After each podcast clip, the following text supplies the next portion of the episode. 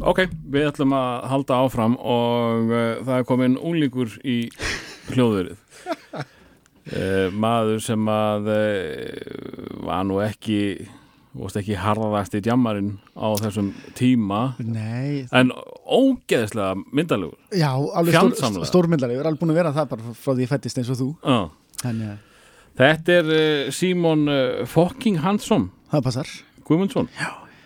Uh, Hvað erst þú gammal þegar Heru, Ég er 82, þannig að ég er þarna hvað? Ég er 10 ára Já, Sirka. það er nú allt í lagi Já, já, allt í lagi og náttúrulega kemur, kemur svona tónlistarfjölskyldu þannig að það er mikið búið að hlusta á allt Og Hvað, hvað, hérna hvað var hlustað á þínu heimili? Hva, hver er þín tónlista fjölskylda? Herði, það er bara pappi var sko í, hérna, hann var hvað er þetta nátt? Hann var yng, ekki yngöpistjóri, heldur vestlunastjóri í fólkanum Já, ok og það er svona, hann var mikið hérna, hann var mikið að koma með blötur heim og svona og, og, og ég er einmitt búin að fara bara í gegnum held ég bara allt það er alveg bara allt frá, ég, mikið, ég hlusta mikið á jazz í dag, bara Mm. svona heima er ekkert að spila neina þannig en ég, þetta er mikið af, af svona alls konar, þetta er allt frá bara veist, svona einhverju slórokki, diskói og þannig bara yfir í bara Metallica og þannig dæmi sko. Já, og svo náttúrulega svona, já, upp úr svona 92 cirka, þá byrja ég að hlusta á útasátt sem heitir Partizón og það starta öllu, það, svo náttúrulega allir, allir hinn þættinni búin að fylgja því gennum tíðina og hérna,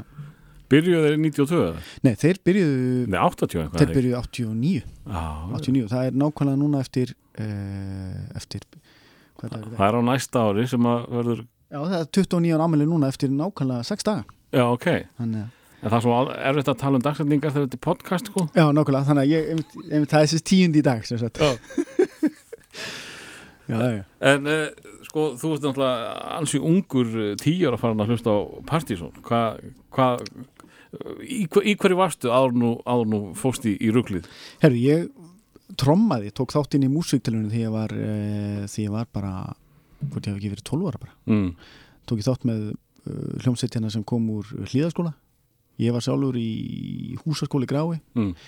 Uh, og það, fyrst, þá var ég me- mest svona hlusta, ég var, hlustaði rosa mikið bæð á íslenskt og það var svona eldra stöff eins og hljóma Led Zeppelin og já, fyrst, trúbrót og þetta dæmi allt.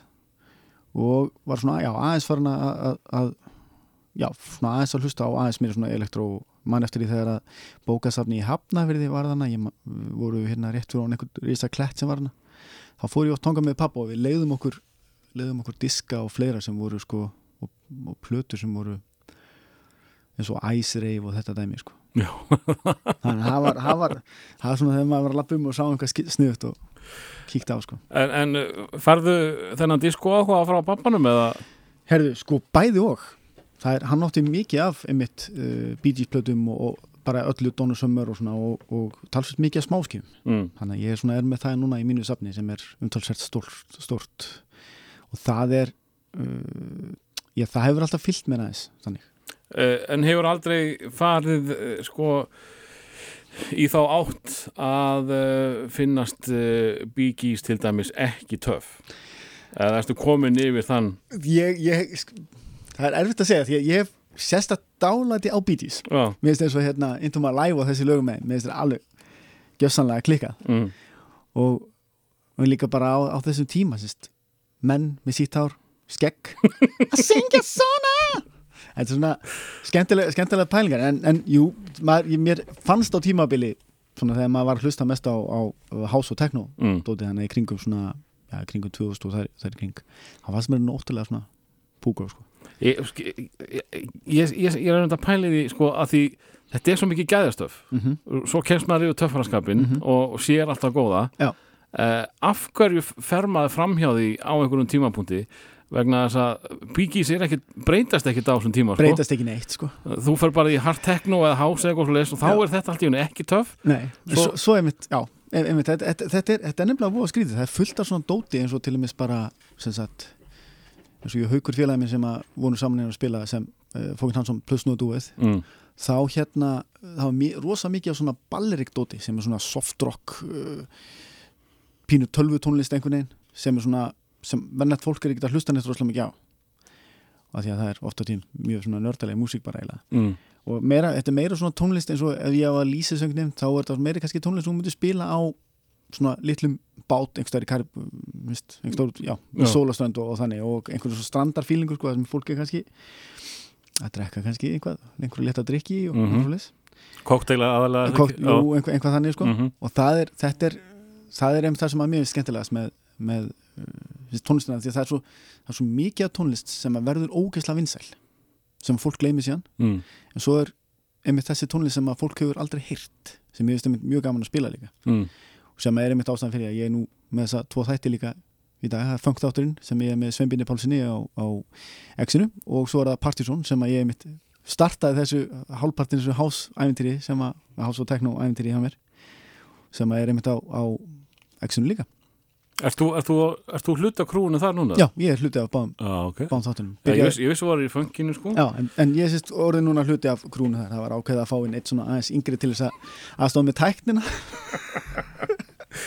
Þannig að við mögum ekki gleyma að, að eh, eins og þú komst inn á 29 ára ammali þátturum verður 30 á næsta ári. Já, og ég man, ég hló þegar að tala um 20 ára ammali Partizón nákvæmlega þeir eru ekkert að fara að hætta. Nei, það er, ég er oft búin að spurja sagt, spurja strákun út í þetta. Það er svo mikill áhugi ennþá sem að kemur svo sem er svo gott. Maður, þeir eru að grúska á fullu í tónlist og eru bara að skoða bara, veist, það sem er að koma út. Náttúrulega, það kemur ofta tíðum eins og maður sér þegar að skömmlu artistana sem voru bara ógeðslega frægir þessum tíma eins og Lillu í Vega og þeir í Massad Work þegar þeir eru að gefa út nýtt út mm. það er svona automatist að það fer bynd á ratarinn eða sko, hvort sem það sé svona mér finnst það að vera heldur soulful í dag sko, en það er mikið af góðu dóti samt en það að koma frá þessum eldri artistum sem eru búin að vera í bara mörg, mörg, mörg ár að hérna, Ert þú, ert þú þá kannski meira að þefa upp það sem að er nýtt nýtt? Já, það sem er svona í þeir, þeir svona, sko, já ég þekki þetta nafn ég ætla að skoða þetta betur. Ég, ég er aðalega það sem er mjög þælt í dag er náttúrulega, þetta er orðið allt hérna komið allt á interneti, þá getur maður að fara að senda á fyrirtækin fá promo, sko. Já, já, þannig að það er mjög þælt I have a radio show. I have a radio show in Iceland. Já. it's, it's a lot of people that listen to it. Og það er þannig að maður nær kannski fær þar talsvægt mikið og sérstaklega þegar, þátturinn, þegar maður er með þátt sem að maður getur sínt fram á að hafa verið í gangi í næstu í fókin, já, afsakið ég segi þetta hana, næstu í 30 ár.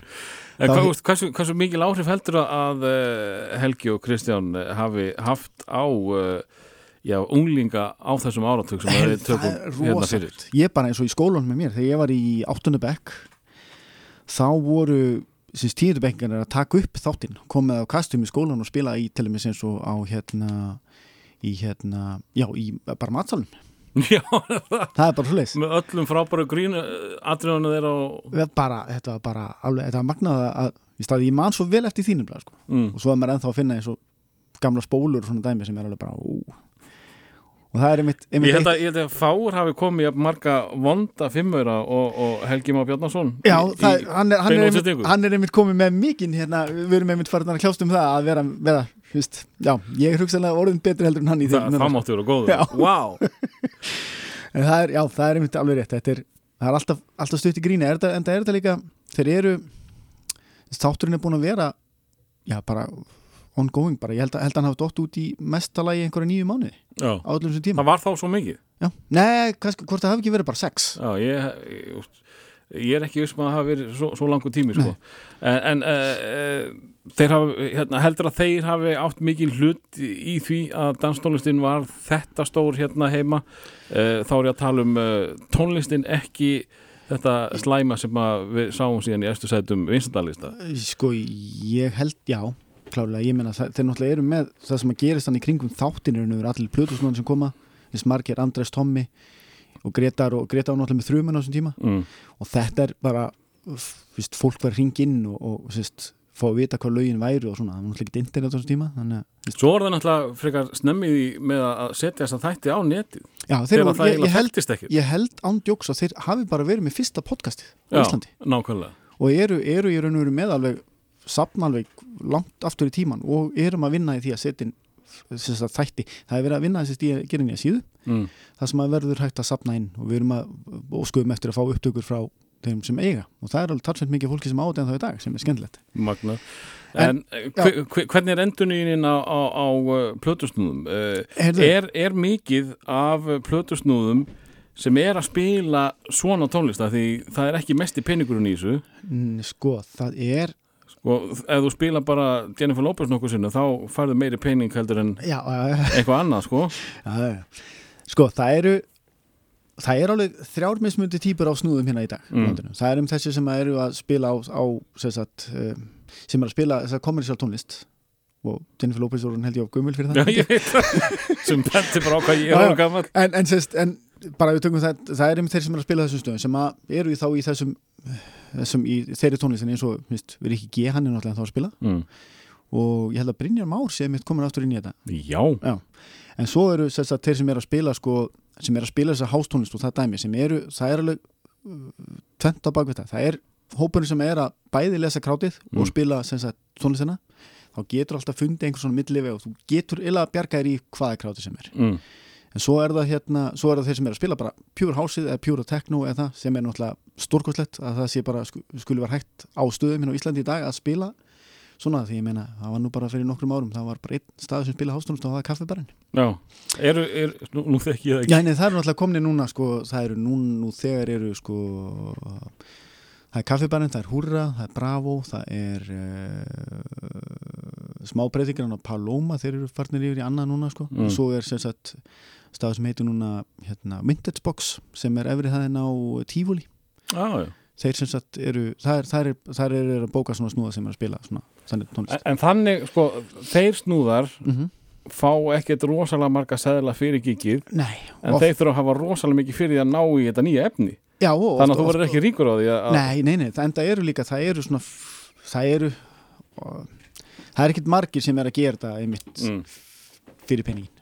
Nei, það, er, það er bara þannig. þetta eru bara listamenn Já, líka, svo núna, veist, það er bara nýkomið fram að þú, sagt, mætir ekki með þína einn græjur á suma staði mm, og það er náttúrulega bara græjukup, eru bara mörg hundru þúsund í dag, sko. Nákvæmlega Sérstaklega þetta er að fara að lesa einhverja USB líklega, eitthvað þannig dæmi, sko. Og talandi líka um, eins og, um náttúrulega stóri munurinn, þú ert náttúrulega ekki að koma með plötuna í dag. Já, eru þeir alveg hættið því? Nei, það er, það er, það er einhverjum sem gera. Ég er voða gaman að mér finnst langskemmtilegast að spila vínilinn Mm, en það er náttúrulega bara ótrúlegt vesinn já, að finna bara borð sem að fyrsta lagi heldur spilurinn og þú getur spilað og komið eitthvað svaka feedback og svona. Já. En, en já, það er, er, það er færri stæðir sem það, það er að gera í dag. En þetta, þetta er eins og ég segi, það er alveg ákveðin eins og bara munurinn núna og í gamla dag meina, sagt, eh, það voru eins og Tommy og fleiri voru, að- voru að semja tónlist og sem er hægt einmitt að tjekka á því ef, ef, ef glöggin hlustur vilja skoða betur. Þá er til hérna hússapn sem að hann Jónbjörn ég lag aft til gerði ásamt honum hérna wow, alveg dótt út mér sem heitir býtu, maður sjá, ég ætla að fara hérna eldsnúttina á internet og finna það. Alltaf, alltaf gaman að vera Engin að flýta sér hérna sko. nei, maður sjá. Við kannski fá bara fyrsta lag meðan þú finnur þetta? finnum bara, fáum fyrsta, fyrsta lagið. Svona- það er, Það það- byrja rólega. Já, byrja rólega. Og þetta er lag sem að er spilað af miklu snilliki mm, sem heitir Jón Ólafs sem við fengum staðfest bara í dag að það væri alveg potið ég nefnilega las þetta á sín tíma inn í kápunni á plötunni. Mm, en, ég, en það er sérst Magnús Jónsson sem þetta lag. Og það er hún Emilian Torín sem syngur. Þetta er sem sagt uh, bara, já þetta er lagið Væ. Af fyrstu plötu Gus Gus Polydistortion held ég að hún hafi heitið. Mm Hvað heitir einn? á heitarinn og sem sagt kemur í þvóttaboka, annarkort bláum eða bleikum. Já, ég átti mitt bleika. Og þetta var, já, þetta er alveg þetta er, þetta er lag sem er búið að fylgja mér allan tíman og þetta er lag sem að fólk ringir ekki oft að sé guðskuslag. Einmitt. Eh, og uh, ég held ekki að, að það sé ekki margir sem átt að segja á því að það sé Jón Ólafsson hinn góði eh, bílaunafélagið og uh, nýdönsk sem að sem að spila þetta og Spil- restin á gussinu kemur lítið nálættur það er einhver smá trommuheilið já, það er bara trómiðilega bakvið og, og, og þetta er náttúrulega bara frábæri leikur í Jóni. Þetta er bara, þetta er ég man þegar ég fyrst í raun og veru heyrði lagi fyrst, ég var bara eitthvað, þetta er allt öðru seldur en öll platan og þetta er, þetta er bara röddinn og rótsið saman, þetta er svakalegt sko.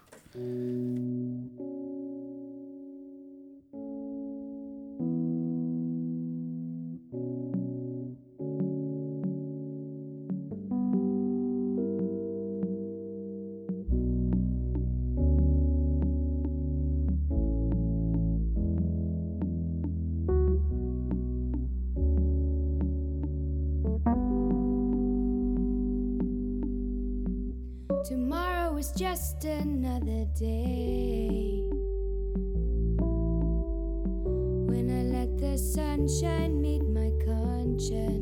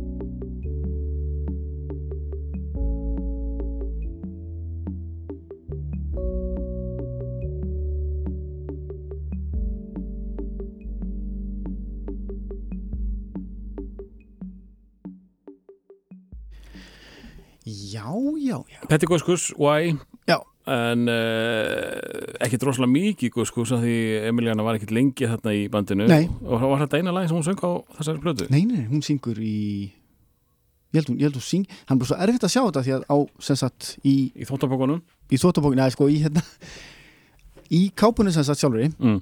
kemur fram sem sagt, uh, sem sagt hver kompósur þetta þeir þau setja sem sagt öll nöfni sín eru, þau sömdu alla plötuna saman Já, já. En svo þegar maður spyr fólk þá var það sýst, já, Maggi Jóns gerði þetta og, og ég held hún syngur í allavega einu öðru lagi hann ok En þú fórst að leita með hennar þetta lag hljómaði Já, fór að leita af, af plötu sem að, var gefin út hérna uh, 23. apríl 2016 og sérst að ekki bara plata heldur en bara, þetta er svona hálfpartin listaverk þetta er sem sagt uh, verk sem heitir Húsverk sem er uh, útskriftaverkinni Jón Bjarnar Fimbúarssonar mm. og þarna taka þeir sem sagt tíu, nei 11 íslenska listamenn hás, hústónlista listamenn og gefa út.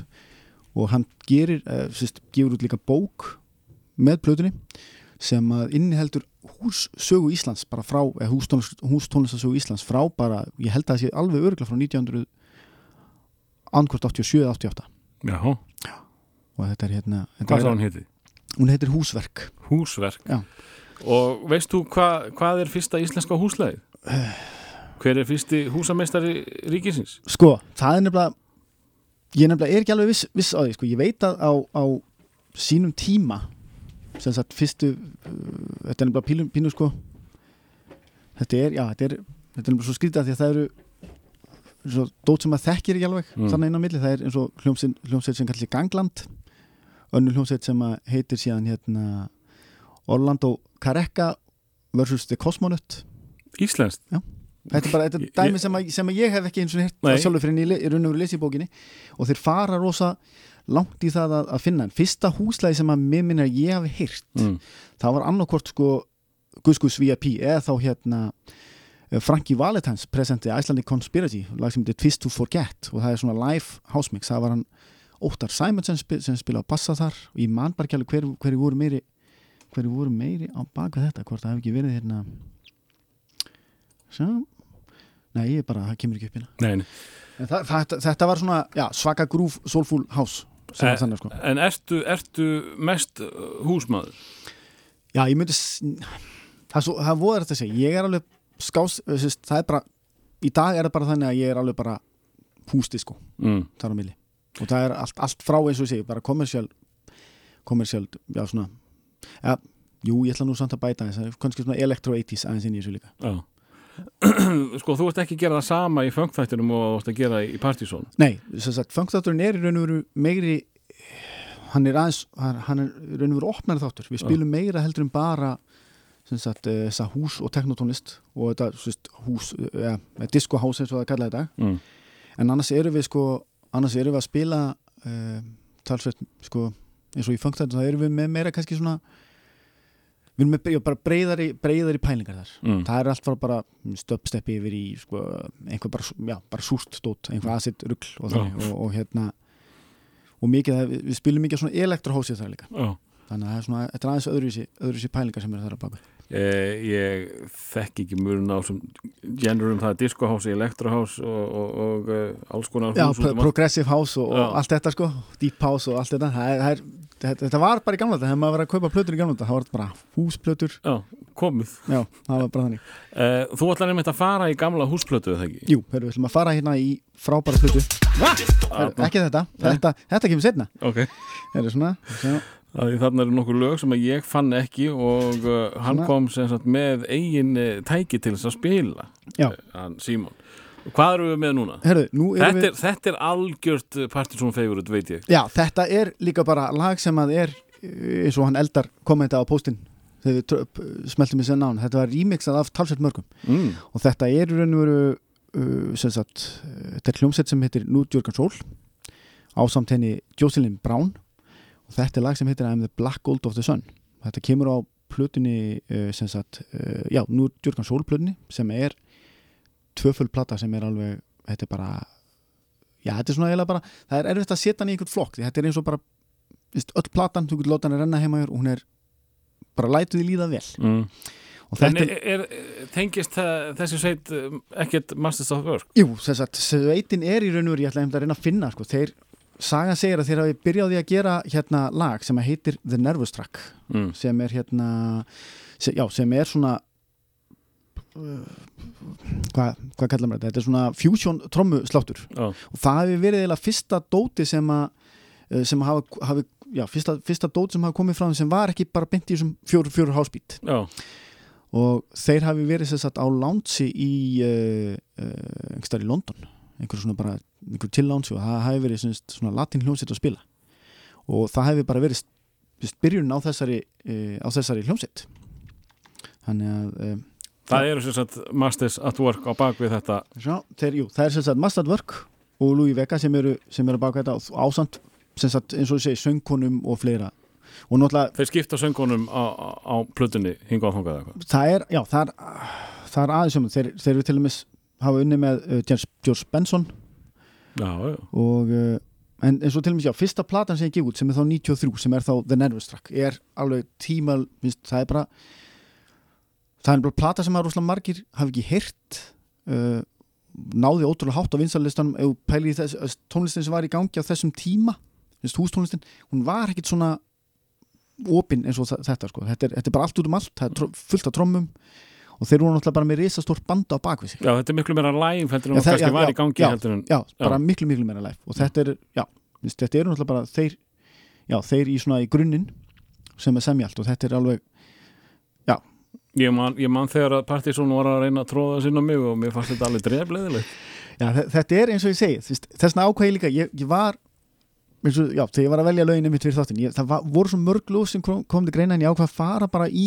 eins og til og með Black Gold of the Sun þetta er lag sem er búið að spila á uh, Spotify sko, uh, mörg, mörg miljónsinu Já, og mist, það er raun og verið opnað pínu fyrir mér hversu, sagt, uh, hversu hérna, hversu frækt þetta lag er í raun og veru þrátt fyrir að vera ekkert frækt hérna heima sko. einmitt, en einmitt. þetta fóru vinstaltalista út um allt og, og, og fleira, Þetta var sem sagt hitt út í heimi þetta var hitt út í heimi já. Ef að heyra þetta, Herru, svona og Arna Þetta er bara live eða ekki? Þetta er bara live. Já.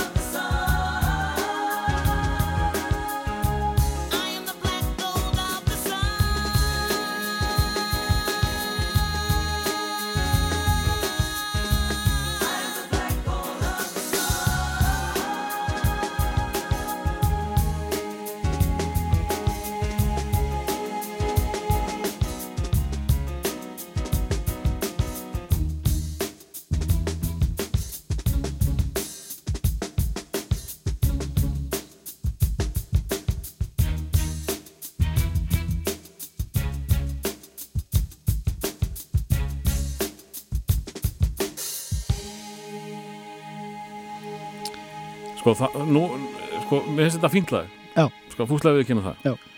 En með þessi, þessi lína hjá ykkur, uh, ég kýsa að kalla þetta bara homohás, gott og blessað, en sko, þetta er alveg kortir í Manhattan Transfer eða eitthvað svona, svona einhverja söngsveitir. Já, þetta er, þetta er náttúrulega í raun og veru bara edit af, eða sérst ekki, þetta er ívörk af uh, gömlu, gömlu bara diskolægi, sko. Já. En svo eins og, eins og til dæmis ef við, ef við fæ að leifra að heyra hérna bara smá lagabút úr fyrsta læginu sem við gáum út undir þessu nafni. mhm. Mm, það er sem sagt uh, svona uh, no, Nervous Track. Það er hérna. Þá heyrður aðeins meira. Það er, þeir eru aðeins meira Við smellum okkur inn í lagi líka. Mhm. Já, já, já, já. Þannig ertu Þannig ertu komin með meira svona Já, aðeins meira svona hérna Fílingi þessu. Þetta, þetta, Þarna eru þeir meira. Þetta var albúmið, albúmversjónu sem við vorum að hlusta á. Mm.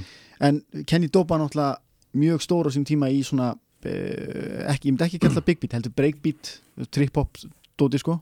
Og hefur verið mikið eh, Sami mörg hip-hop lögum meðal annars. Á meðan að Lil Lil Louis Vega var meira í Þessum house feeling þannig sé já og, og, og, snertir alveg á jazzið Já, jú, þetta, þetta, þetta er bara, þetta er ofta tíðum bara pjúra jazz. Já, og það er einmitt málið sem sagt, hljómsætti sem að þeir sáu einmitt verið að spila á þessu lánsi í UK var einmitt bara svona pjúra jazz band, Mhm. jazz fusion eitthvað, latin Ég var líka bara aðeins að, að ég veit að uh, Partiðsson bræður koma til mig að hlusta á hana þá þannig að bara kveðja til þeirra já, já. uh, Við ætlum að fara yfir á Íslandsmiði næst Já. og uh, drengur sem byrja að snemma að hlusta á svona tónlist hann hlýtur að hafa heldur betur sprungið út þegar hann heyrði Íslendingur að gera svona fæn tóna já, þetta var ég hef nefnilega því að þetta er raun og verið allt á bara sínum tíma þegar að ég er að hlusta á Partizón sem mest. Mm. Vist, maður, var, maður tók upp þáttinn og hlustaði sko bara streit í heila viku hann til að kom næsti þáttur. Og hérna og Býtu, þú, veist, þú, þú kemur frá hverju? Biggies beint í nei, nei, nei, nei, nei, ég kem frá í raun og veru bara Rocky. Þú kemur á, já, þannig sé frá Rocky. Hvað Ég- hva ég var upp á ég- hljómsveitin að, nú slýsast inn á Partíson? sko, vá, sko, ég bara það er bara rosa mismyndið, þetta er allt frá því að vera bara frá sagt Queen uh, Queen, Metallica, Kiss Uh, engin tenging við- engin tenging, Nei. svo rosa mikið einhver svona, fyrst, ég var að detta svaka mikið í einhver svona punk rock. Bara, fyrst uh, já, bara, bara aðalega þá tengdi einhvern snjóbrættadóti ég er mikill, mikill snjóbrættamaður Já, ok. Og hérna, þá var maður alltaf að horfa á myndinar og það var einmitt svona mikið af svona, Run to the Hills Já, og þannig dótið sko og það, já, það, það ég var mikið í því sko, þannig að þetta var talsveit, mikil breyting sem að hérna, fór ég og það var einmitt þar sem hann var ekki Steinar sem var með síðasta þátt mm sem hann spilaði hérna Sound of London. -hmm. það Stalaðir fjúti það, hefði, það, hefði það hafði mikil áhrif á mig ásamt, ásamt bara mikið af þessu dóti sem að varð uh, já, sem að varð, varð bara mjög vinsalt eins og hérna eins og allt Jamarquai-stoffið mm. Finnst, og, og, og, Það er náttúrulega næsti bara við hliðin á, á Jazzy og vinum hans Já, ég meina sérst og, og þessi, þessi remix sem að voru gerða á Jamiroquai eins og Space Cowboy og, Já. og hérna já og fle- fleiri lögum, þetta er náttúrulega bara lög sem eru ótrúlega í dag, ég meina var, ég var að spila kaffi bara núna í síðustu velgi og fólk var bara öskur syngja með lögunum sko. það var bara þannig fíling sko. En, en, En- þessi, en- þessi hérna eh, sko, hann hendi fram uh, staðrind uh, að hans mati að eh, 80% eh, lagana eða tónlistarina frá Future Sound of London væri drastl sko þe- þetta er, er nefnilega þetta er, þetta er svipað eins og þetta er svipað eins og að tala um uh, uh, það, það er, já ok ef við tökum kraftverk mm. Kraftwerk hefur gert mikið af lögum sem eru mjög góð sem eru spiluð bara á, á venlum útastöðum alltaf. Svo hafa þeir líka gert lög sem eru bara ekkert þekkt. Og uh, það er rosa erfitt að segja er svo, það er margt, margt dót sem kemur út í dag sem að Vist, sérstaklega eftir þetta að fóra yfir í tölvunar og þú ert farin að frá, fá sérst tónlistinu í neti þá er miklu fleiri tónlistumennar orðin til heldur en voru. Mm -hmm. og það er mikið að dóti sem ég fæ sem er kannski, sem hefur enga tengingu korki við fangtáttinn eða hérna, eða partysónu þá er þetta í raun og veru bara oft á tíðum bara einhvað eh, bara jazz, einhvað, eh, þetta er þetta í raun og veru langt frá því vera þar sem að í þeim flokk sem að listamennin setur í en það, svo er einmitt þetta, það er eins og til og meins bara tökum gott að mig Queen. Mm. fræðast af lagi með mér hérna Bohemian Rhapsody klárlega. En Another One Bites the Dust er bara tímamóta lag í tónlistasögu í heiminum.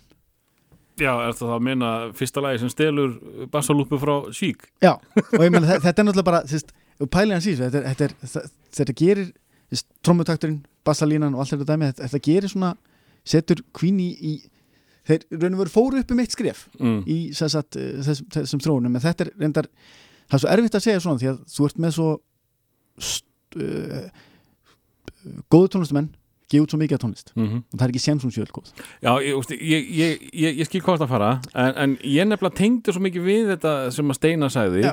vegna þess að mér finnst Future Sound of London geggju hljómsveit Já. Svo fór maður að hlusta veist, svona, pæli í því þegar hann sagði þetta Mhm. að e- 80% er alveg drasl mm -hmm. drasl er kannski rosalega stórt orð Já, en, en, en þeir e- 20% er það mikil snild að ég eldi þá áfram Já, já. sama hvað það, skilur. það er nefnilega líka málið sko. Það er þessi, þessi fá, já, ég, ef ég ætti að segja þá, það er, að- það er kannski svona 50-60% af dótum sem, er, sem að á ekki við mm. mig en það eru, jú, það eru alveg það eru talsveit margir listamenn sem að hafa eins og Lilúi Vega og, og, og Kenny Dope núna í dag Vist, uh, Lilúi Vega er að gefa út dót sem er bara allt og soulful fyrir mig Já, er Og- það hægt? já, þetta er talsveit mikið soulful sko. og það er svona, líka þegar mennir eru búin að vera í þessu, þá er mitt faraðir kannski að endur taka sig aðeins Já, einmitt og það er svona en náttúrulega þetta er mjög gaman að- hlusta á þetta En, en, En, já. en Queen maðurinn Simon já, meðal annars kvínmaðurinn, já Já, uh, manstu þú sko fórst að leita í partysónið, var einhver sem benti þér á þetta Herðu, Eh, fannstu bara guð leið og heyrði fyrsta þátt eða, eða tók þetta einhver tíma að- síast inn í Queen manni? nei, þetta var, ég man Ég ætla bara að kalla það Queen mann hér eftir sko. ég man í raun og ekki alveg hvaða hérna Nei. Vist, Nei, hvað, ég, ég, ég bara pæli það því að þetta er svo mikill munur frá því sem þú varst að vinna með sko. Já, þetta, þetta byrjaði sko upparlega á, því- að ég fór í raun og veru að horfa á sem sagt bara, það var eftir sem sagt ef ég, veist, ef mér minni rétt á MTV þá var einmitt þátturinn Partizón mm sem að þeir viðkynna fúslega að þeir hafa stólið nafnin af Nákvæmlega og nota ennþá Og hérna not- nota- já, svona já, já. Og, hérna, já, og þeir hérna sem sagt uh, uh, ég horfi var einmitt að horfa talsvægt mikið á bara sjónvarpið á þessum aldri mm. og þá fór maður að sjá þetta allt og þeir voru með þetta svona, frekar svona síru, mikið svona acid dæmi svona í bakgrunni og fleira Einmitt, og, Þar og, og það náttúrulega það vekur áhuga Já. ungra auga augna. Já, rinnur, þetta er bara allt annað heldur en þú ert búin að vera að horfa þú ert að horfa á einhverja gæja með gítar í sjónvarpinu Mm. þú fer að sjá einhver svona og veist, einhver visual sem er bara var alltaf þekktið svo þessu tíma sko. Þetta er bara eins og teknum við til nákvæmlega og, þá, og svo náttúrulega bara tónlistilling á bakvið það. þetta var Mm. náttúrulega já, svona mikil, mikil hérna þetta, já, mikil svona uppgötunir Nákvæmlega en ég hef alltaf verið, það er alveg bara eins og núna með jazzin, Sist, ég byrja að hlusta á jazz fyrir svona sjö ánum cirka af einhverju viti sko. og það er bara ertu á all in jazz eða svona le- létt jazz sem að Það er- venjulegt fólk getur mjög tengt við ertu, ertu í 50 minúna Það- trompetsólum það er bara bæði og Já. það er bara algjörlega eftir fílingum sem ég er í sko. og svo Ok. er líka, svo verð ég að vikina mér finnst nú óskaplega gott þegar ég er að keira stundum, sérstaklega á landi Mm. að smetla rás eitt. Já, það? Já, og það er bara en ég er líka ofta á tímum fundið eitthvað sem ég er bara verið eitthvað, þetta er nú meiri snildin með mm.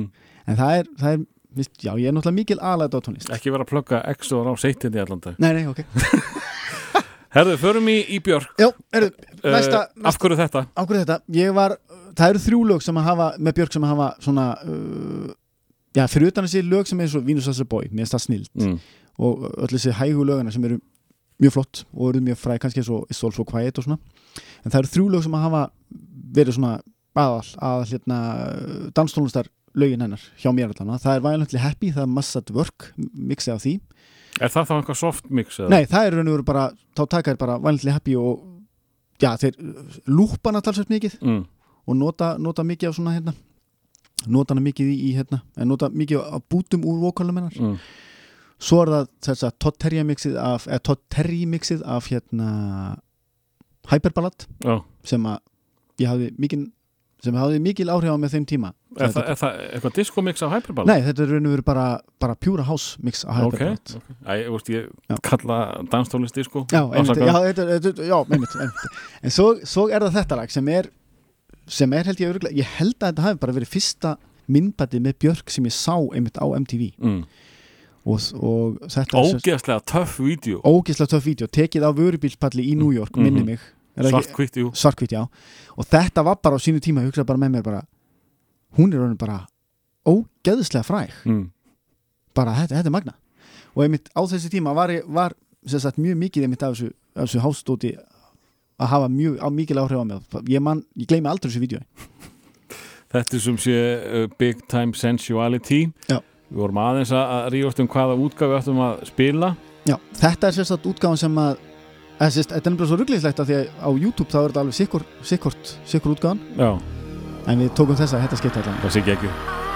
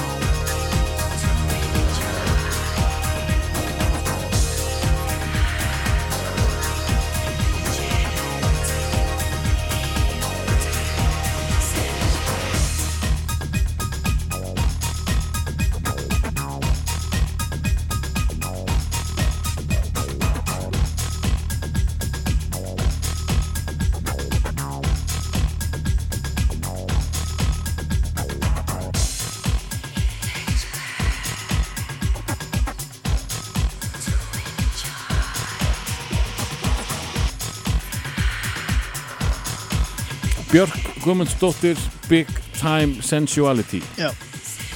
og uh, viltu ekki setja bara hitt í gang Jú, heyrðu, það fer bara í gangin undir Næsta, næsta lag er sem sagt hérna lag sem að var á uh, toppnum á Partisan listanum árið 1900, uh, 1990 og hérna, maður sjá hvort það hefði gefið 95 frekar 94 Dans árið mikla 95 eins og var kallað Er það? Já. Uh, var það Partisón diskurinn sem seldist svo vel? Já, Svo, það var- Svo kom hvað? kom, já, það var já, það, hvíti var Parson uh, nei, byrju, nú er ég að byrju. Parson uh, Þeir verða brjálaðir Já, þeir, var að klika eitthvað ef ef ég fer- fer- segja þetta vitlega sinna Partisan diskani, hérna er þetta. Svona, heyrðu, já, fyrst, þetta er á þetta er á plötunni sem kemur út Nei, það, ok, þetta er ekki svona þeirri plötunni, þetta var Partisan uh, á árslistanum 1990 og svona, þetta er 95 mm. það er bara hlítur að vera það er bara, já, það er Heyrðu, þetta er á toppnum á Partisan-listanum árið 1995 Og hvað er þetta? Þetta er hljómsveit sem að heitir Black Magic og þetta er þetta er hún hérna söngkonan úr uh, hvað heitir hún áttur? Og þetta er ég ég, ég hef átt að gera rítgert til að koma með þannig rítgert því að þetta er alltaf út með því ég er beint fyrir fráminna Sjá, þetta er náttúrulega þeir, þeir unnu talsveit mikið með hérna mm, mm, mm, mm.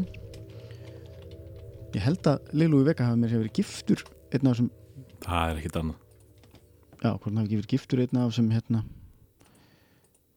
einn af þessum söngkonum. Þetta er sem sagt hann er þetta, bingo. Hann kemur þetta alltaf gama þegar maður fyrir ná eitthvað finnur ekki, hérna kemur þetta Heru, þetta, þetta er sem sagt uh, já, þetta er hljómsveit sem heitir Black Magic og þetta er uh, Lulu Vega sem er að baka þetta. Og svo sem að syngur, ákveður tekar ekki fram Ég held að sé þetta? öllum skýt saman það hver er- er þessi syngur þetta. Það er öllum, öllum, já svona Veitu, ég verð samt að finna. Þetta er alveg magnað. En, en, Vocals Black, okkur, okkur gerir Vocals Black Magic? Þetta er alveg hriglegt þetta er vantalega Kimberly Bryant heitur hún. Mm. Já, það er allir núna heima Já, það er alltaf Já, hún. En þær, þær voru sem sagt þær voru sem sagt þrjár. Já. og það er náttúrulega ratta þetta stórkostlega. Þetta er já, bara, ég, ég man bara eftir því þegar ég spilaði þetta lag í fyrsta skipti uh, á, hvort það hefði ekki bara verið á, á X-inu á sín, tíma mm. þá var þetta á toppnum á sem sagt mánaðalistanum Já. og því heyrði lag og þú varst örgulega með nætuvaktina þar eftir Ég held ég að byrja árið síðar já, ok, þeir fóru sko fóru emitt að þetta er náttúrulega 13 mínuna lag mm. og þeir settir í gang ein, eina myndi 12 það fórum við langt inn á tímanu hinnum sko og Það var svolítið reglan bara hjá já, honum, það var sko. mikið reglan að vera kannski ekki alveg á réttum tíma með þetta en þe- þetta, þetta lag bara er mikið anþem fyrir fólk Mm. og náði ótrúlega hátt á vinstallistunum Hvað getur úst, af þessum uh, sko minna þekktu partysónlögum getur þú spilað í dag? ég get spilað allt í dag það? allt, allt sem kom frá 95 Mm. getur þú eiginlega spilað Ge bara Getur þú hent þessu á og, og, og gert já, já, já? Já, já, já, ég menna það er bara eins og uh, eins og lög eins og Deep Inside með Hard Drive Everybody Wants to Be Somebody með Roughneck Já. og uh, til og með eins og Renegade Master Mm.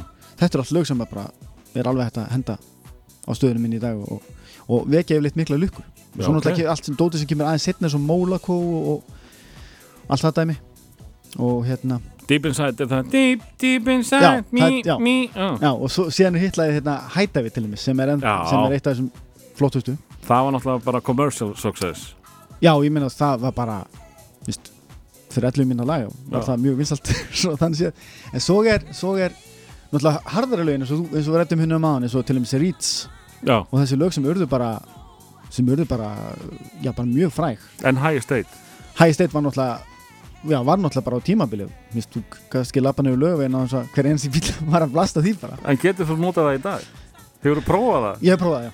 Og það, það ég prófað tvisvar undan þessum fjórum árum. Já, og í annars skipti var það bara þess, það trilltist allt en þá var það líka pínlítið í þannig stefning það var mjög sveitt stefning á, á skemmstanum húrra mm. en á hin, hinu kvöldinu þá var uh, það var krátið aðeins ungt til að, til að ná þessu sko. þá, þá var ég alveg bara ah, Ég hef með spilað þetta fyrir dóttur mín að 12 ára og bara, what the fuck hvað er þetta að gera, kall? hvað er þetta að gera? Já, það er nefnilega mórið, það er einmitt það er dálítið mikið að dóti sem að sérstaklega þessu sem kemur aðeins á undan þessu Mm. sem að verður svona þú ert enga bara, wow, hvað í alvörunni en svo einmitt þegar maður hlustar á eitthvað svona ekki, ekki gott uppstep í dag þá er maður alveg bara, wow, þetta er actually verið en allt sko. Hefur að heyra þetta Já, aðeins? verður, þetta er Freedom með Black Magic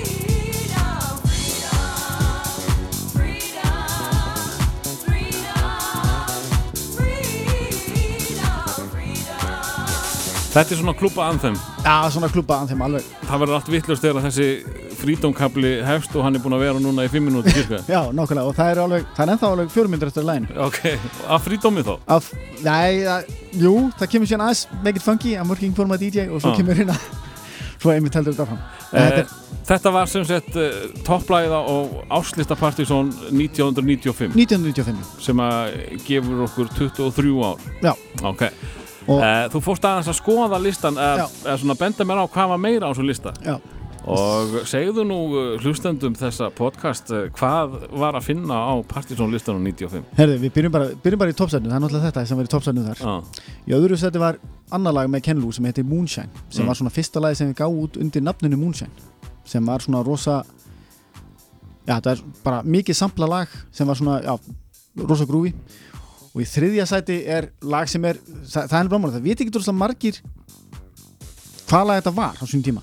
En það er sem sagt uh, hljómsveit sem heitir uh, K-Scope, með lag sem heitir Planet K. ah, geggjala maður En það, maður sætti þessu? Alveg, já það, það er er, þegar ég spila þetta lag í dag þú gætir basically, þetta gæti verið nýtt húslag í dag þetta er eitt af þessu K-skóp, þetta er bara, Já, ok. það er bara fáranlegt uh, svo er hérna svo er meira á þessu lista sem er mjög þekkt sem við fyrir bara yfir, það er The Bomb með Bucketheads, mm það er uh, Astro slagarinn svakali Disco's Revenge Gong, með gong. svo er það hérna Missing með Everything But The Girl sem Ah. að þú spilar talsvert hérna, en það ekki? Kemur fyrir, Kemur fyrir, fyrir það er maður, ég ætla hana einmitt, sama dag þú baðast mér um að taka þátt í þessu þá setti þetta listan og þú sagði ekki séns ekki séns. Herðu, svo er það Delacy Hideaway sem er einmitt Já, eitt lag sem var mjög svona mjög vinsalt líka. Það var svona commercial stórt. Já. Já. og er einmitt bara svipu, svipum fílingu þetta, það er fólk sem kann allan textan utan það Mhm. og þetta er einmitt allir minna langt lag. Svo er það uh, Joss Vink, High of Consciousness sem var náttúrulega líka ógislega frækt Já, sem vorum að tala um hérna áðan. Já, og svo er það lag sem að uh, þú varst með hérna frábærum HM þætti í sumar. Það var ógæðslega gaman að hlusta það Ég var ekki viss hvort að gömlu DJ-andur myndir fyrir að brjála þig eða fyndist ég næs að heyra það. ég fékk gæsað Herðu, það er sem sagt lag sem Það er besta breyk söguna, sko. Ja, það, þetta er náttúrulega bara þetta er, þetta er náttúrulega að þetta skulle hafa komið út á Vætlebúl og að síðan að Elo hafi stoppað það finnst mér magna Við förum nánari það Já, fyrir nánari það eftir, við kynum það betur inn á eftir. Svo var það Space Copa um David Morales mixið af Jamiroquai Mm. Svo er það einmitt Ritz sem er með Lil Mo Ying Yang sem var Var það á þessum lista Það var líka? þessum lista líka, líka. Nú. Já, já, ég, ég, er ekki, ég er ekki sko veist, Everything but everything uh, Everybody wants to be somebody með Roughneck Mm. Svo er eitt besta lag sem að Romanthony gaf út sem er The Wanderer Og svo er lag sem að bara er með hljómsveit sem er bara hóruðin ógeðslega fræði dag. Það er Daft Punk og það er lagið Daft Funk. Þetta var fyrsta lagið þeirra, ekki? Það er eitt af þeim. Eh, Fyrst, fyrstu lög, lögin einmitt, já, eitt fyrstu lögin þetta var fyrstu plötunni þeir einmitt. Og svo, svo eru til og með eins og Give Me Love með Alcatraz sem var mikið, mikið spilað. Og já, það var eiginlega svona komið að þessu sem er sem er Hvenar ætlað þú að- að að hnóða í gott 95 kvöld? heyrðu, það er reyndar það er verið að skoða, Já, að það gera það jafnvel núna í desember, það kemur allt í ljós bara þegar að, að hérna, ég og Helgi erum aðeins að ræða, ræða saman hvernig myndi gera þetta og hvar myndi gera þetta. Koma hérna fylla húsa af gömlu fólki sem að rifja upp gö- Nei, ég gömlu meina, danskupól ég, ég, þar, ég, ég get nú sagt eina helviti góða sögur þessu. Já, já. Ég fór á skemmtistæðan Jakobsen sem var þarna í það sem er Löndramatt áður en Löndramatt opnaði. Já, já. Og það var einmitt á 95 kvöld sem var reunion eh, eh, ok, eh, þetta var ekki reunion kvöld þetta, þetta var bara 95 kvöld, basically, Partisan 95 og þar inni þeir ba- basically fylltu húsi á báðum hæðum.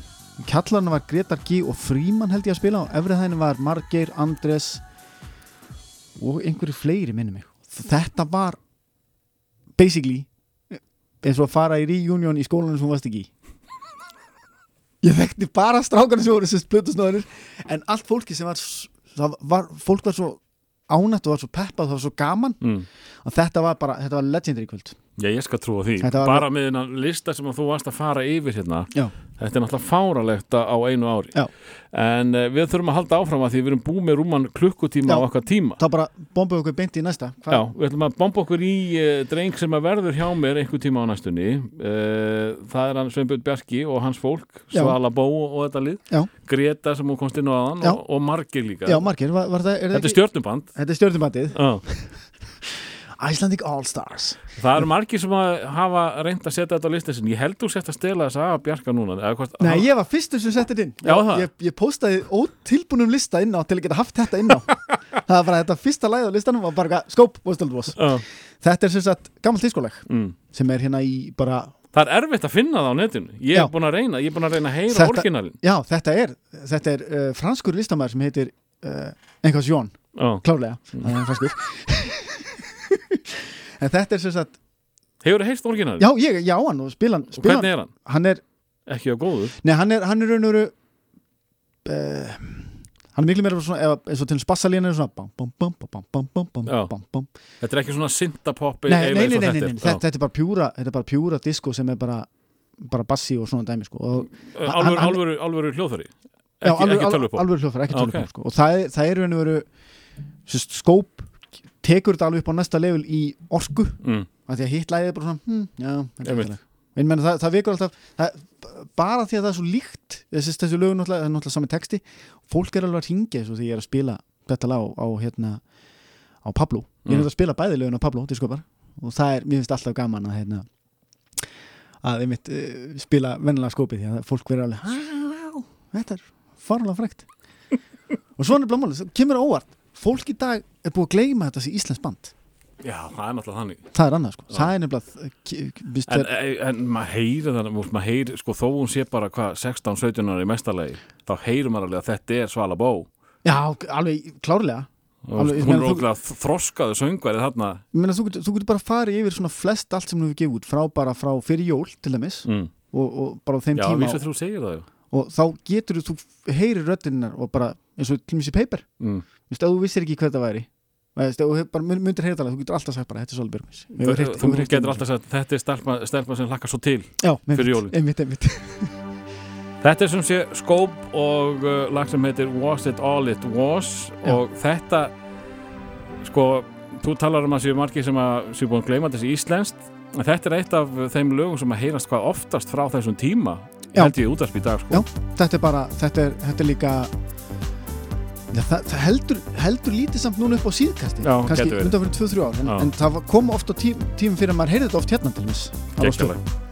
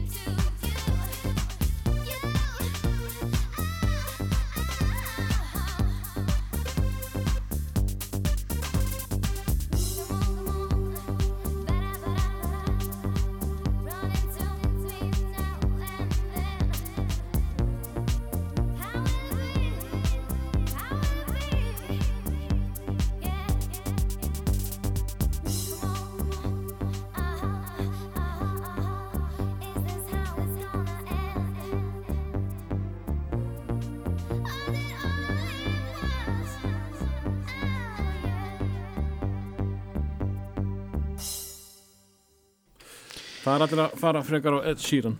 Já, Við vorum að tala um uh, þennan uh, uh, sko skell sem við fengum í, andlitið fyrir hvað nokkrum vikum síðan að kemikalbræður kem ekki. Við vorum nefnilega líka að tala um það meðan að laga hljómaði að það hefur engin ennþá uh, valið kemikal lag á listan í, í þessa þætti. Nei.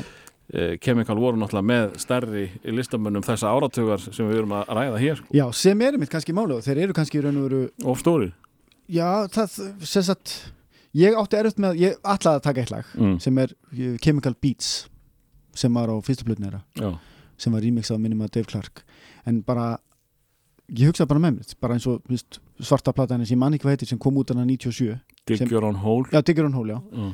það er bara svo plata er bara svo fræga það bara, skiptir eiginlega ekki máli hvaða lag þú velur sem, það kannast all, eða flest allir vel sem voru bara hlusta almennt á útvarp á sín tíma ég náttúrulega Mm. Exi spilaði þetta mjög mikið.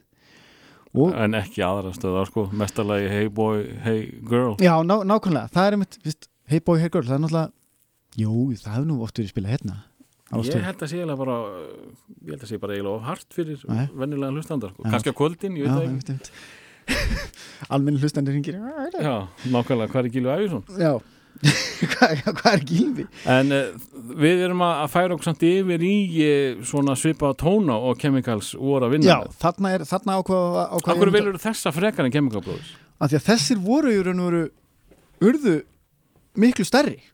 Þeir urðu þú veist, eru í raun og veru hjá almenna hlustandurnum eru þeir miklu þekktari, ég meina þeir unnu með þessir sem við erum að fara að taka núna, unnu með Shirley Bassey Mm. Hvað eru margir og þínum aldrei sem hlusta mikið á Shirley Bassey? Eh, nú ekki margir en en eins og sé það, það, þeir þeir gerðu sko gerðu uh, lag sem þetta já, það er með þetta sem við erum að fara að tala um Mm. þannig að við býðum aðeins með nafna nafna því og svo upp úr þessu lagi sem, er, sem við erum að fara að spila núna voru þeir bara fengnir til að gera bond lag Já, já, sem var einmitt lagi með Shirley Bassi já.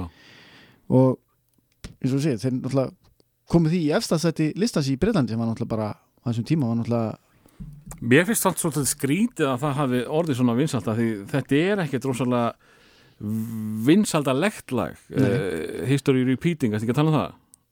jú, history repeating. Já Uh, það er rosalega djassað og eitthvað svona skrítið hún er svona "Ah, just a Já. little bit of history repeating Það er einhver svolítið spilningu sko Me, með stæla sko uh, á meðan Chemicals uh, þeir voru náttúrulega frekar harðir en Þeir voru mun harðari sko þeir voru náttúrulega með hann hérna, hvað heitir hann, Tim Burgess úr, úr Charlatans í einhverjum lögum og Mhm. þeir voru með hérna. Oasis, Oasis Noel og Já. eitthvað svona sko og voru svo með já, svo einmitt á voru held í Q-tip á Trouble Quest einmitt. En, en þetta, þetta er samt raun og verið þannig að, að já, við erum bara, við voru, var ég búin að segja nafnum hlustinu nei, nei, nei, nei. nei, nei, ok, þetta er sérst hljómsveit sem heitir Propellerheads. Og þeir voru uh, á sínum tíma fyrir mig uh, voru gefið út á uh, útgáfinni Wall of Sound. Og hérna þetta er á sama tíma og plötunar hérna Dope on Plastic koma. Mm. og þau, það hafði talsvægt mikil áhrif á mig. Það voru nú geggja á plötunum ekki alveg geggja plötur og sérstaklega sapplötur sem komið frá Wall of Sound sem heit, ég held hún heiti bara The First hún he- hún heiti bara eitthvað First Chapter eða eitthvað svona Mm. og svo kom önnur plata sem heiti The Second Chapter og þar taka einmitt uh, sem sagt Lesserid með Stegitalis fransku gæðinir taka lag með uh, Dvorak og gera úr því bara einhverju mestu snill sem Lesur ég Rhythm Digitalis er ekkit franskt þetta er einn ein breyti ef ég mann rétt. Æ, fuck. Nei, a, a, það er bara allt í þetta í Já, þegar hann kom er- spilað á í Vestló eða eitthvað svoleiðis. Ég, ég, ég fór á það ball bara til að sjá hann. Sjá? Ég held þetta sé eitt guður þetta er ef, hann, ef hann hefði franskara nafn Nei, heyrðu, G maður. G. Er? Hann verið í tekin ah, heyrðu, þetta, þetta er Hann gengur nefnilega undir öðru nafni og ég var handu sem að hann var í franskur ok, Hann gengur líka undir nafninu Jacques Leconte já, sem er náttúrulega bara Le Franskt rosa mikið. En hann heitir hinnu stórkvöldslega nafni Stuart David Price. Alveg, alveg. Eins ófranst og það verður sko. Og ég held að sé rauðþarðu með þessi ef ég mann rétt. Hann er, já, reyndar, það er rétt, Ég er með því samvindin á hann, nei, þessi gæði er ekki franskur, er ekki séns. En já, en sem sagt, hann tek, þeir taka þetta lag og þessi hann tekur þetta lag og gerir úr þessu þetta svakalega lag sem heitir Kontakte með Kái mm. sem að uh, já, bara sem að ég, ég ándjóks þetta sumar sem ég kefti þessar blötu ég held ég að hlusta á þetta lag bara ég, já, þessar blötu, ég, hlusta á hann bara í draslu og jána ennþá Já. Eh, þú talar um sérst snjóbretta drengur Já. Eh, Varst ekki skeitari? Jú, líka, líka Já, ég nefnilega, ég geti trúaði að það sé eitthvað að uh, færa propellerheads nærðir heldur en chemicals að því propellerheads var eitthvað skeitara sétt líka veit ég. Já, þeir, þeir eru sko þeir, próbælast ég, ég tengdi rosalega mikið við á sínum tíma út af, út af raun og veru, sérst, þeir koma með sérst að í, það voru nokkur lög sem ég var með á lista, það var mitt þetta lag sem að við ætlum að spila mm. og svo annað sem að var uh, að því að það var ekki það hart og það var hægt að hlusta á þetta svona mennilega bara, "Ah, hvað, hvað bílum með pappa og eitthvað svona dæmi sko. Þannig ok að ég, ég, kom, ég hef aldrei komist upp með að vera að hlusta á einhvað chemical beats, Dave Clark remix með pappa, hann er bara þetta uh, sem mig, hvað, hvað er í gangi henni sko.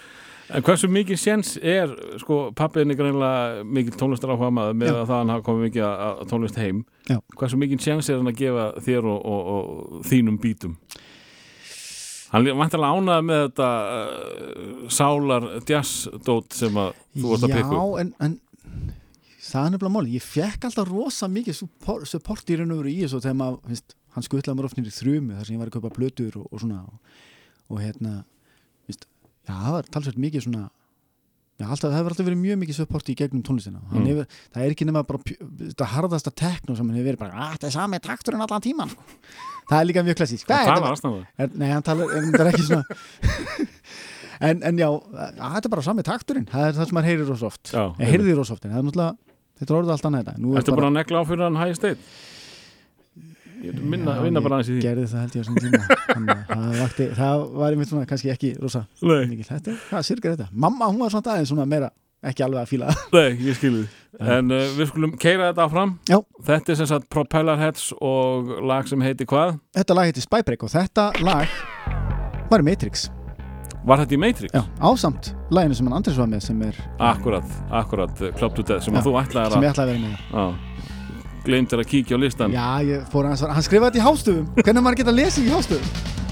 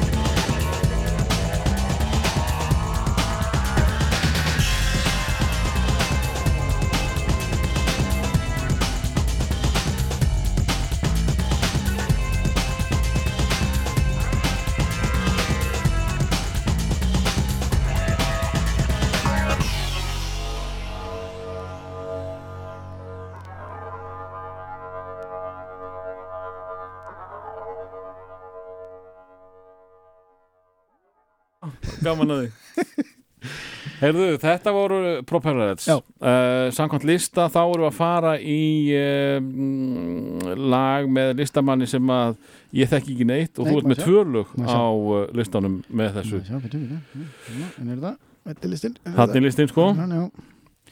Heyrðu, já, já, nú erum við að fara í frábært lag. Er ég með, nei, er ég? Já, í nýjönda seti líka Nei, heyrðu, dímaður. Þetta er samanlagi tvisar Samanlega því þessar, það er mjög jákvæmt. En það þarna ákvað ég að, að kofera tvo hluti í einu. mm. Uh, sem sagt listamann að nafni Ian Pooley sem að er uh, já, svona teknohús uh, snúður sem að hann gaf meðal svona lag sem heitir Disco Love Mm. sem er svona samplað af eh, svona, það er frekar rólegt en afskaplega hugljúft lag sem hefur búið að fylgja mér mjög mikið svona í gegnum hérna gegnum tíðina, það er rosa gott að hlusta á þetta. ég spila þetta talsveit mikið þegar ég spila svona lánskíkum að þannig dóti, þetta er bara svona innfaldur trómatötur undir og svona mjúkur bassi. En þarna fær hann til liðs við sig uh, herramennina í Daft Punk Aha, sem að sjáum rýmixaða læginu. Og uh, þeir taka þetta á eins og þeir tóka mitt á plötunni sinna á tímbili þar sem þeir taka eins og þetta sé útvarp. Og það er bara það er eins og komið svona gæi yfir einhvað you're listening to da, da, da. já ok. Og það, þetta er, þetta er ég, þetta, ég alltaf tengt rosalega mikið við þetta lag. Þetta er svona svipað eins og Ritz mm. Ritz með hennar Lil Mói Gang. Þetta er lag sem að maður tengir mjög mikið við að, ef, þú- varst að hlusta á þessum tíma. Mm. og náttúrulega þetta er á sama tíma og Daft Punk verða er að bara stíga skrifin í að vera bara ógeðislega fræðir uh, hef ekki heyrað það bara? Heyrðu það. Herru, þetta er sem sagt uh, Ian Pooley. er Ian Pooley, Short Memory og þetta er Daft Punk Remix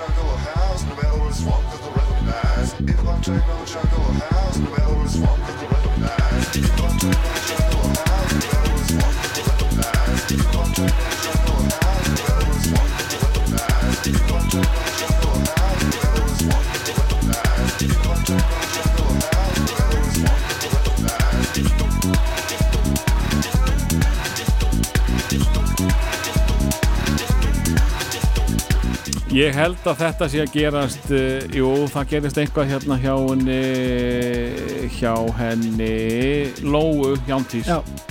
að ég þekkti ekki laun Já. En þarna eru að vinna með lag sem að ég bara hef ekki heilt áður Nei, þetta er mitt lag sem að bara sem að er, sem að saman er mitt uh, sem sagt Daft Punk og Ian Pooley Ian Pooley er að mínum að einn af þessum bestu artistum frá þessum svona 95 til 90 og já, bara til dagsins í dag hann er ennþá ekki út plötur og er Mm. að gera það mjög vel og þarna fær hann Daft Punk áður en að Daft Punk verða fáralega frægir til að rýmingsa lagið og það hefna svona gríðarlega vel. Já, þú ákvæmst að setja þetta tvisar á listan það kemur, kemur einmitt inn í læginu það, koma svona partar eins og til dæmis kemur break það sem að gæðin syngur bara allt í og tónlistin hættir svo kemur bara smá þögn og lagið fyrir aftur í gang. Mm. minni pínlindi á hérna partybæð með ham þegar að Já, þú um, góða tíu. Er svo aftur já, já og hérna það, það er mitt það, er, þetta er bara saminning á í raun og veru tveimur hljóma því að Ian Pooley er á þessum tíma var hann harðari heldur en mjög harðari heldur en Daft Punk. En þarna komaði með sintan yfir sem sagt uh, fylgjunar þetta dæmi og gerir þetta lag alveg bara trillt. Mm. uh, já og þetta er eins, og segi eina af þessum 1200 plötum sem ég á en þá sem er ekki ég er með að sér geimslu Frú, frúin er ekki droslega með. Ég kann að stuða maður, mitt er allt út í skúr Já. En uh, þú ert að fara í miklu léttari hluti hérna Þetta er bara þetta er bara FM-slagari sko. herði þetta er, sko, það eru nokkur lög sem hafa komið núna upp á síðkastið mm.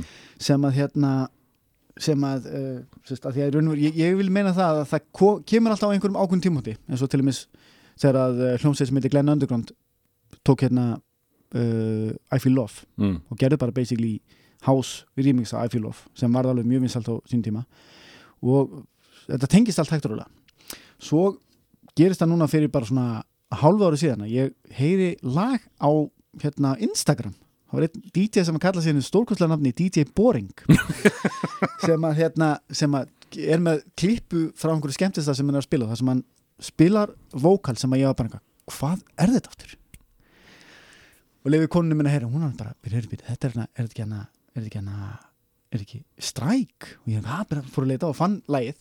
Og það er einmitt búið að vera talsvipt um það eins og til og með Loletta Holloway Stand Up, lag með henni og svona fleiri diskosmell sem, sem fólk hefur verið að taka og endur gera. Ég raun og vera alveg eins og, eins og þetta eins og þetta lag sem er hérna, þetta er alveg þetta er alveg bara það er komin svona old school breakbeat hardcore taktur yfir þetta.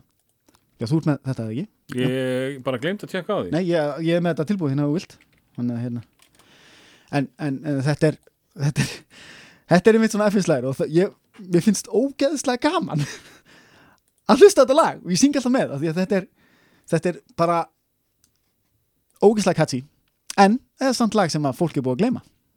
Það er á þessu rétt, þetta heyrist ekki mikið í þetta dag. heyrist bara ekki mikið í dag og, og þetta er lag sem að ég spila einmitt á því ég er komin í svona þennan pakka. Get, þá getur maður verið að droppa þessu það skiptir ekki máli á hvað skemmtist það er hvort sem við séu á Pablo Discobar sem er svona aðeins, aðeins uh, í svona uh, já, aðeins meira kommersial diskopakkanum kannski og 90s eða þú hvort ég sé á húrra eða kaffibarnum það er bara skiptir ekki máli, þetta er alveg þetta er lag sem að svínverkar sko. En, en húrra eh, það er all over er það ekki sant það er ekkit bara Nei, já, sko- hardcore danstólist að vísu ég náttúrulega hef ekki farað í, Nei, sko, í mjög langan tíma. húrra er í raun og veru, er uh, svaka mikið sko. Mm. Vist, það, er, það eru það er rosalega, það er rosalega gaman þegar það er svona mikið samansapna plötusnúm að spila Ég meina, suma, sumi spila hip-hop Mm. allt kvöldið hérna og ég að læði inn í einhverju svona dóti sóri hás og teknokvöldina og þar á meðlan eins og, það er nú reynda gaman að segja frá því uh, að Thule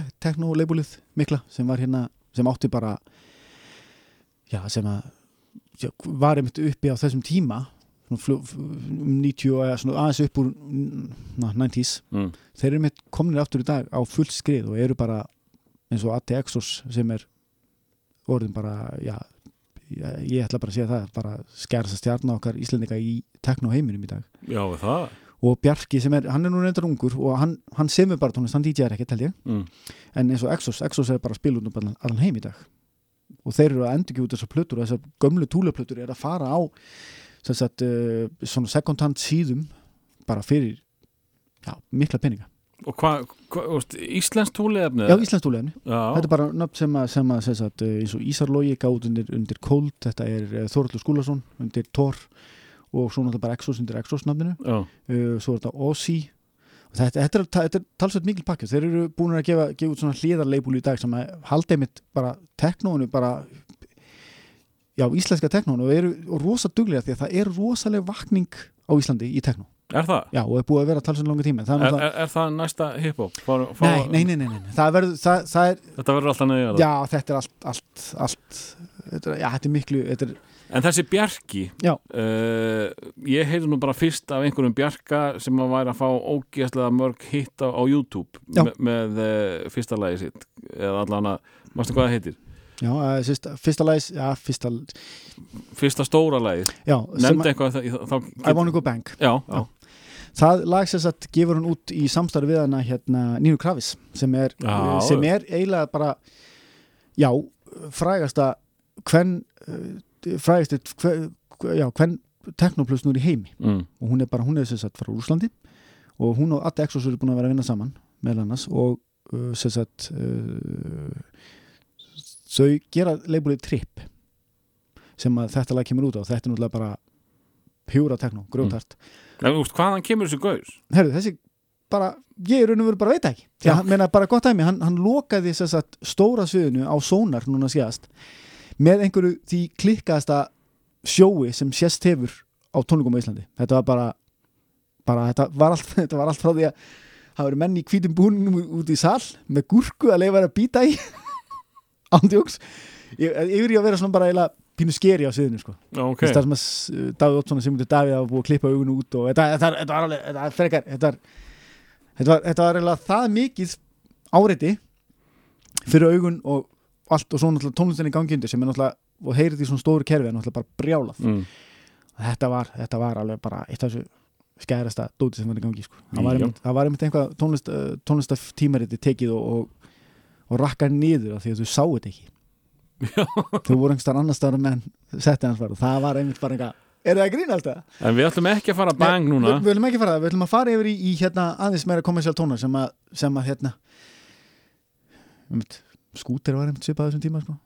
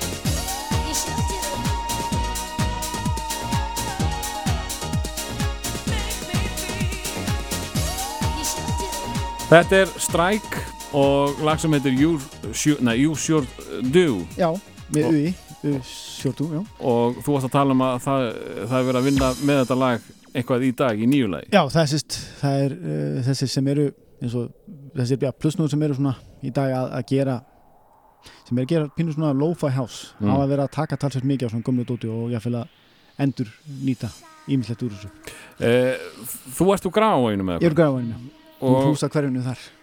var þitt gengi í þessari tónlist eða Hluti. Ég Mm. sko, Exos er raun og veru, hefur tengingu inn í skólan til mín, Mm. mm. Exos eins og vorum að tala um hann. Hann, hann var, uh, hekk mikið með nokkrum strákur sem voru í tíundabekk, þannig að þegar ég er í áttundabekk held ég. mm. og, og uh, já, það var það var alveg umtalsvært um það svo kom hiphopi bara mjög fljótlega eftir þetta sem að tók bara basically yfir tók marga viðniðina frá þér? Nei, nei, nei, nei, ég er náttúrulega, ég fílaði hiphopin líka mjög mikið sko. Ok. en, en þeir, þeir eins og, eins og þeirra. Hvað hérna, Þú mistir vini í hiphop. Já þeir, það var bara já, já, eiginlega. Það var eiginlega þannig, sko. en, en þetta, þetta er samt þannig að, að þegar að uh, þegar Ómar Frýrlefs og Helgi Már voru að vinna saman í var það skífan eða var það Japis eða eitthvað, hvort það hefði ekki verið Japis? Og gáðu disk, disk sem heitir bara eitthvað þetta er eitthvað líka, maður Mm. þetta er disk Eh, Ég sá það bara vera að reyfja þetta upp Já. á netinu Já. spurði ekki eins og um um og lögunum Nei, þeir spurðu bara ekkert um leifi og Ok. þetta er sennilega einu diskurinn í heiminu sem er svona mikið að þekktum lögum á sama diski þetta er magnað, þeir ég, vorum þetta að gera playlist held ég sem þeir hafa verið að posta á uh, Spotify með þessum lögum það er einmitt mikið af þessum lögum frá 90s tímanum þegar hiphop er að verða, verða mjög vinsal sko. mm. uh, en já en- Hvenær ferðu síðan að- að að DJ? Hörru, ég byrja að DJ bara þegar ég er bara kefti fyrstu DJ-græna þegar ég er uh, 11 ára 11 ára gaman þá fer, sem sagt, þá fer uh, pappi til útlanda til Breitlands nákvæmlega og kemur heim með beltadrifna plötuspilara með pitsi þannig að ég geta ráðið hraðum á lögunum Mm. og uh, og hérna já og og einhvern mixer sem var alveg stórkostlegur á þann tíma sem að hérna, þetta var einmitt þegar svona DMC scratch ævintýri var mest að byrja. Þetta var eitthvað svona svaka mixer með killsvit sem einhvern svona dóti sem að maður notaði ekki neitt. En, en var frábært að vera með og þetta þetta gerir maður ansvort inn í herbyggi að mixa saman sömu plötunum aftur og aftur og aftur og aftur endalvist alveg. Og þú, þú ert ennþá að og hefur ennþá gaman að þessu? Já, það er alveg númer 1 og 3 ég er búin að ákveða það leið og mér finnst þetta leiðilegt ári hættur.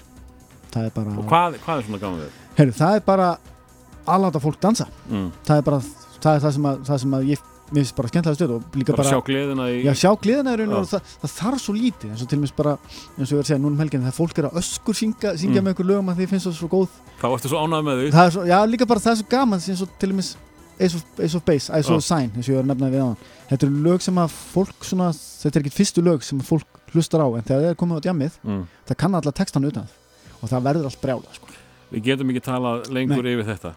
Hvað Hér- er þetta? þetta er lag með God Within sem heitir The Phoenix og þetta er bootleg útgáðan af því. Þetta er uh, maður snarlega stoppað af hljómsveitinni ELO því að þeir taka gítar úr uh, hann tekur sér gítar úr uh, mjög fræðu lægi og sonur hans eftir hann lest núna fyrir uh, fimm eða sex árum síðan þá gaf hans út aðra plötundur nafninu God Within sem, sem að gefur út lægið aftur með gítarnum. Og það heitir Steal from the Rich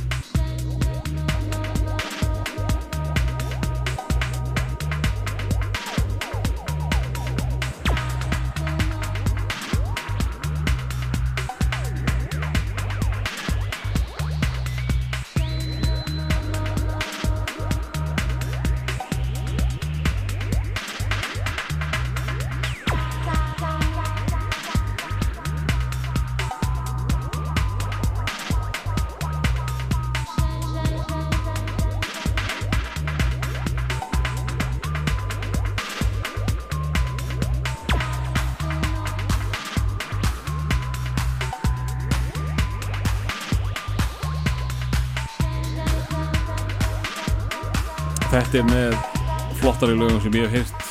Þetta er bara, já, þetta er eitt af þessum allra flóttu lögum sem að og lifir ótrúlega vel ennþá. Uh, pluss að þú náttúrulega notar þetta hérna í frábæra HM kynningu. Já, sömur kjósa að kalla þetta HM-lagi HM, nákvæmlega. Það fannst mér einmitt alveg ég var bara, þegar ég heyrði þetta ég var að keira og þá heyrði ég auðlýsingu HM, hvað hva kallar þetta aftur? þetta er heimsmyndstara keppnin á rúf eða eitthvað, Það er HM hótt nefnitt Já, og þá ég bara eitthvað er ekki, þetta er ekki elo þetta er ekki elo, þetta er, þetta er, hann er að nota gott við þinn maður, holy shit. Að því að lagi var náttúrulega eins ólöfut á sínum tíma því að hann gaf út plötuna. Þess að út prómóið áður en hann sótt um að fá leifi og svo náttúrulega sprakk platan út af því að þetta var náttúrulega trillti allt á skemmstöðunum bæði hérna á Íslandi og út í heimi. Og það var bara svarið sem maður fekk var bara nei. Veg, vegna þess að, þetta var komið Já. í gang. þetta var komið í gang. Það var bara nei, það var bara, þetta lag verður aldrei gefið út Og hefur þessi gaur gert eitthvað veist, Já, hann, hann hefur gefið út fleiri lög sem hafa ekki orðið svona vinsar sko. hann náttúrulega gaf út þetta lag bara basically í annar útgáðu vegna þess að hann, hann mátti bara ekki nota gítarinn mér finnst nefnilega gítarinn ekkert vera líki latrið Það er breykið áður en að gítarinn Já. kemur það er, að- það er uppbyggingin kemur Já. það er nefnilega mórið og það er náttúrulega gítarinn hjálpar rosalega til að því að sýst, Já, það vantar svona eitthvað og gítarinn er alveg klárlega klæmæks eða sko. Mhm. en svo, svo gaf hann þetta út og það lag var alveg talsvert, talsvert, frækt sko. Já. svo uh, já, en eins og ég segi, sonur hans gefur út gefur þessa plötu út núna bara já, fyrir ári held ég eftir hann, hann uh, lest það sem hann skýrir, það sem hann tekur þetta lag og breytir í aðeins og skellir inn gítarnum aftur og, og kallar mixi Steel from the Ritz mér finnst það magna líka pluss að eins og ég segi, þeir hu hugsanlega hefðu ég er ekki viss um að í dag þetta lag hefur verið gefið út í dag og það hefur verið hatt samband við það ég er ekki viss um að þeir hefur stoppað Nei. þeir hefur bara séð peninga hana á bakveitna En þetta er samt lag sem að má ekkert vera mikið stittra Nei, það er bara ekki hægt. Hvað, þetta eru Þetta eru 11 11 mínútur mínútur. eitthvað. Þetta er bara, þetta er, Þannig að þetta hefði aldrei verið það, það væri, commercial nei, það væri, Hitt. hugsan, það væri hugsanlega hægt að koma þessu nýri í 8 mínútur, en það er að stissa sem þetta Já, getur. ég held það Að því að þú tekur raun og veru partana út á endan manna sem er, eða Nákvæmlega. í byrjunni sem er bara, En ég, fæ- segðum, ég fæ ég fæ ennþá gæsa á því hérna, sí, uh, þú varst að segja mér sögu frá honum Helga Já. Má uh, um þessa plötu þegar að þetta var, hvað heitast þetta heima? já, þetta er, það sem að þetta komi út í svo litlu eða fáum intökum, að þetta var eina þessum plötum sem að var lappa með á milli skemmtastæði bænum. Það var kannski Gretar spila einu stannum og Marger spila öðrum og þeim langaði báðum að spila lægi og það var bara, það var lánað á milli. Þetta er líka svi- svipað á þeim tíma sem þeir voru með þáttinn. Það var þetta náttúrulega bara þannig að klukktíma fyrir þátt þurftur að vera komnið með allar plötur í hús. Mm, Ef það var ekki komna, það var bara vesen sko. Í dag er þetta alltaf Spotify En hérna, veist, þannig að maður sá fyrir sér þáttunum var náttúrulega búinn á miðnætti og þá voru náttúrulega flestir plötsnúnar að byrja að spila. Þannig að þá voru þeir bara einhverju dreifing að vinna hérna. Og Helgi náttúrulega gætt nota þenn hérna heimsfrægu setningu, ég er hérna með lag fyrir plötsnún mm. á vínilplötu með sér. Þannig að hann komst all, allstað, allstað framfyrir þar sem, að, þar sem hann var ekki rosa þekktur og miklu uppáldi hjá, hjá dýravörðum Nákvæmlega uh, Herðu það er loka lagið Lokalæði, já Herru. og uh, við höfum ekki tíma fyrir uh, The Bomb Nei, það er allt í lagi ég, ég var með ég var með það var nú killer maður Já, plúsa líka, þetta er eins og við rættum um hérna. Það er, eru tvö lög sem að, sem að voru tek, tekin alveg myrt í, í auglýsingum hérna á Veistu hvað? Íslandi, hvað er með það? Veistu hvað? Nei, hvað er með það? Ég held að ég ég held sem mér að kenna að herra Hafnafjörður notaði hérna The Bomb ég var að gera auðvitað fyrir hann Herðu, fyrir það, Kiss FM já, það er nefnilega málið að Herra Hafnarfjörður notaði einmitt The Bomb sem auglýsingunar Það var ekki samt jafn slæmt og þegar að hérna, Amerika Style tók The Boss með The Braxton sem er gamla, var ekki Donny Summer Dæn Róslæði og gerði úr því hérna meðal hans eina setningu sem að ég, ég, ég hati þessa setningu. Og það er sérst þegar fyrsta gósklasi hefur svala mínu þosta þá ég starf sem annabið og frítt ég fylli á. Já, sunguður íslensku já, útgáfu. þeir tóku þetta bara tóku bara Já, þegar þegar já. fyrsta gósklasið hefur svala mínu þosta ég strax um annabið og frítt ég fylli á. Þetta var alveg ég, ég, ég, Ég, held ég sé með annað handaði núna. Ég eigðurlegaði The Bomb og ég held að gaurin sem að gerði með mér fyrstu lofgúruplötuna já hafi gert ég man, þeir, þeir kerði þetta líka ándjóks ógeðaslega mikið. Að þetta var náttúrulega þeim, þeim tíma sem það kosta alltaf að fylla á en þú frítir fyllt á. Nákvæmlega. Þetta var alveg, ég, sést, Ah. þetta er þessi tvölög sérstaklega þetta Braxtonslag sem var mjög vinsalt þetta er það er rosa mikið konum sem að tengja við Braxtonslagið. Mm. og hérna já. En sko, ég, ég er svona semi-saklaus vegna þess að, jú, ég komist í gang með herra Hafnafjörð Já. síðan fór þetta yfir held ég á FM þar sem að það var bæði sem sagt uh, The Bomb Já. og Heiðar Austmann las þetta auðlýsingar þannig að ég ætla að þó hendur mínur að þessu ok, það, það er jákvæmt en, já ég fyrir það líka en það, það er líka, það, það lag er raun og veru sem sagt, er náttúrulega sjálfsög gamla street player með Chicago Já, í grunninn sko.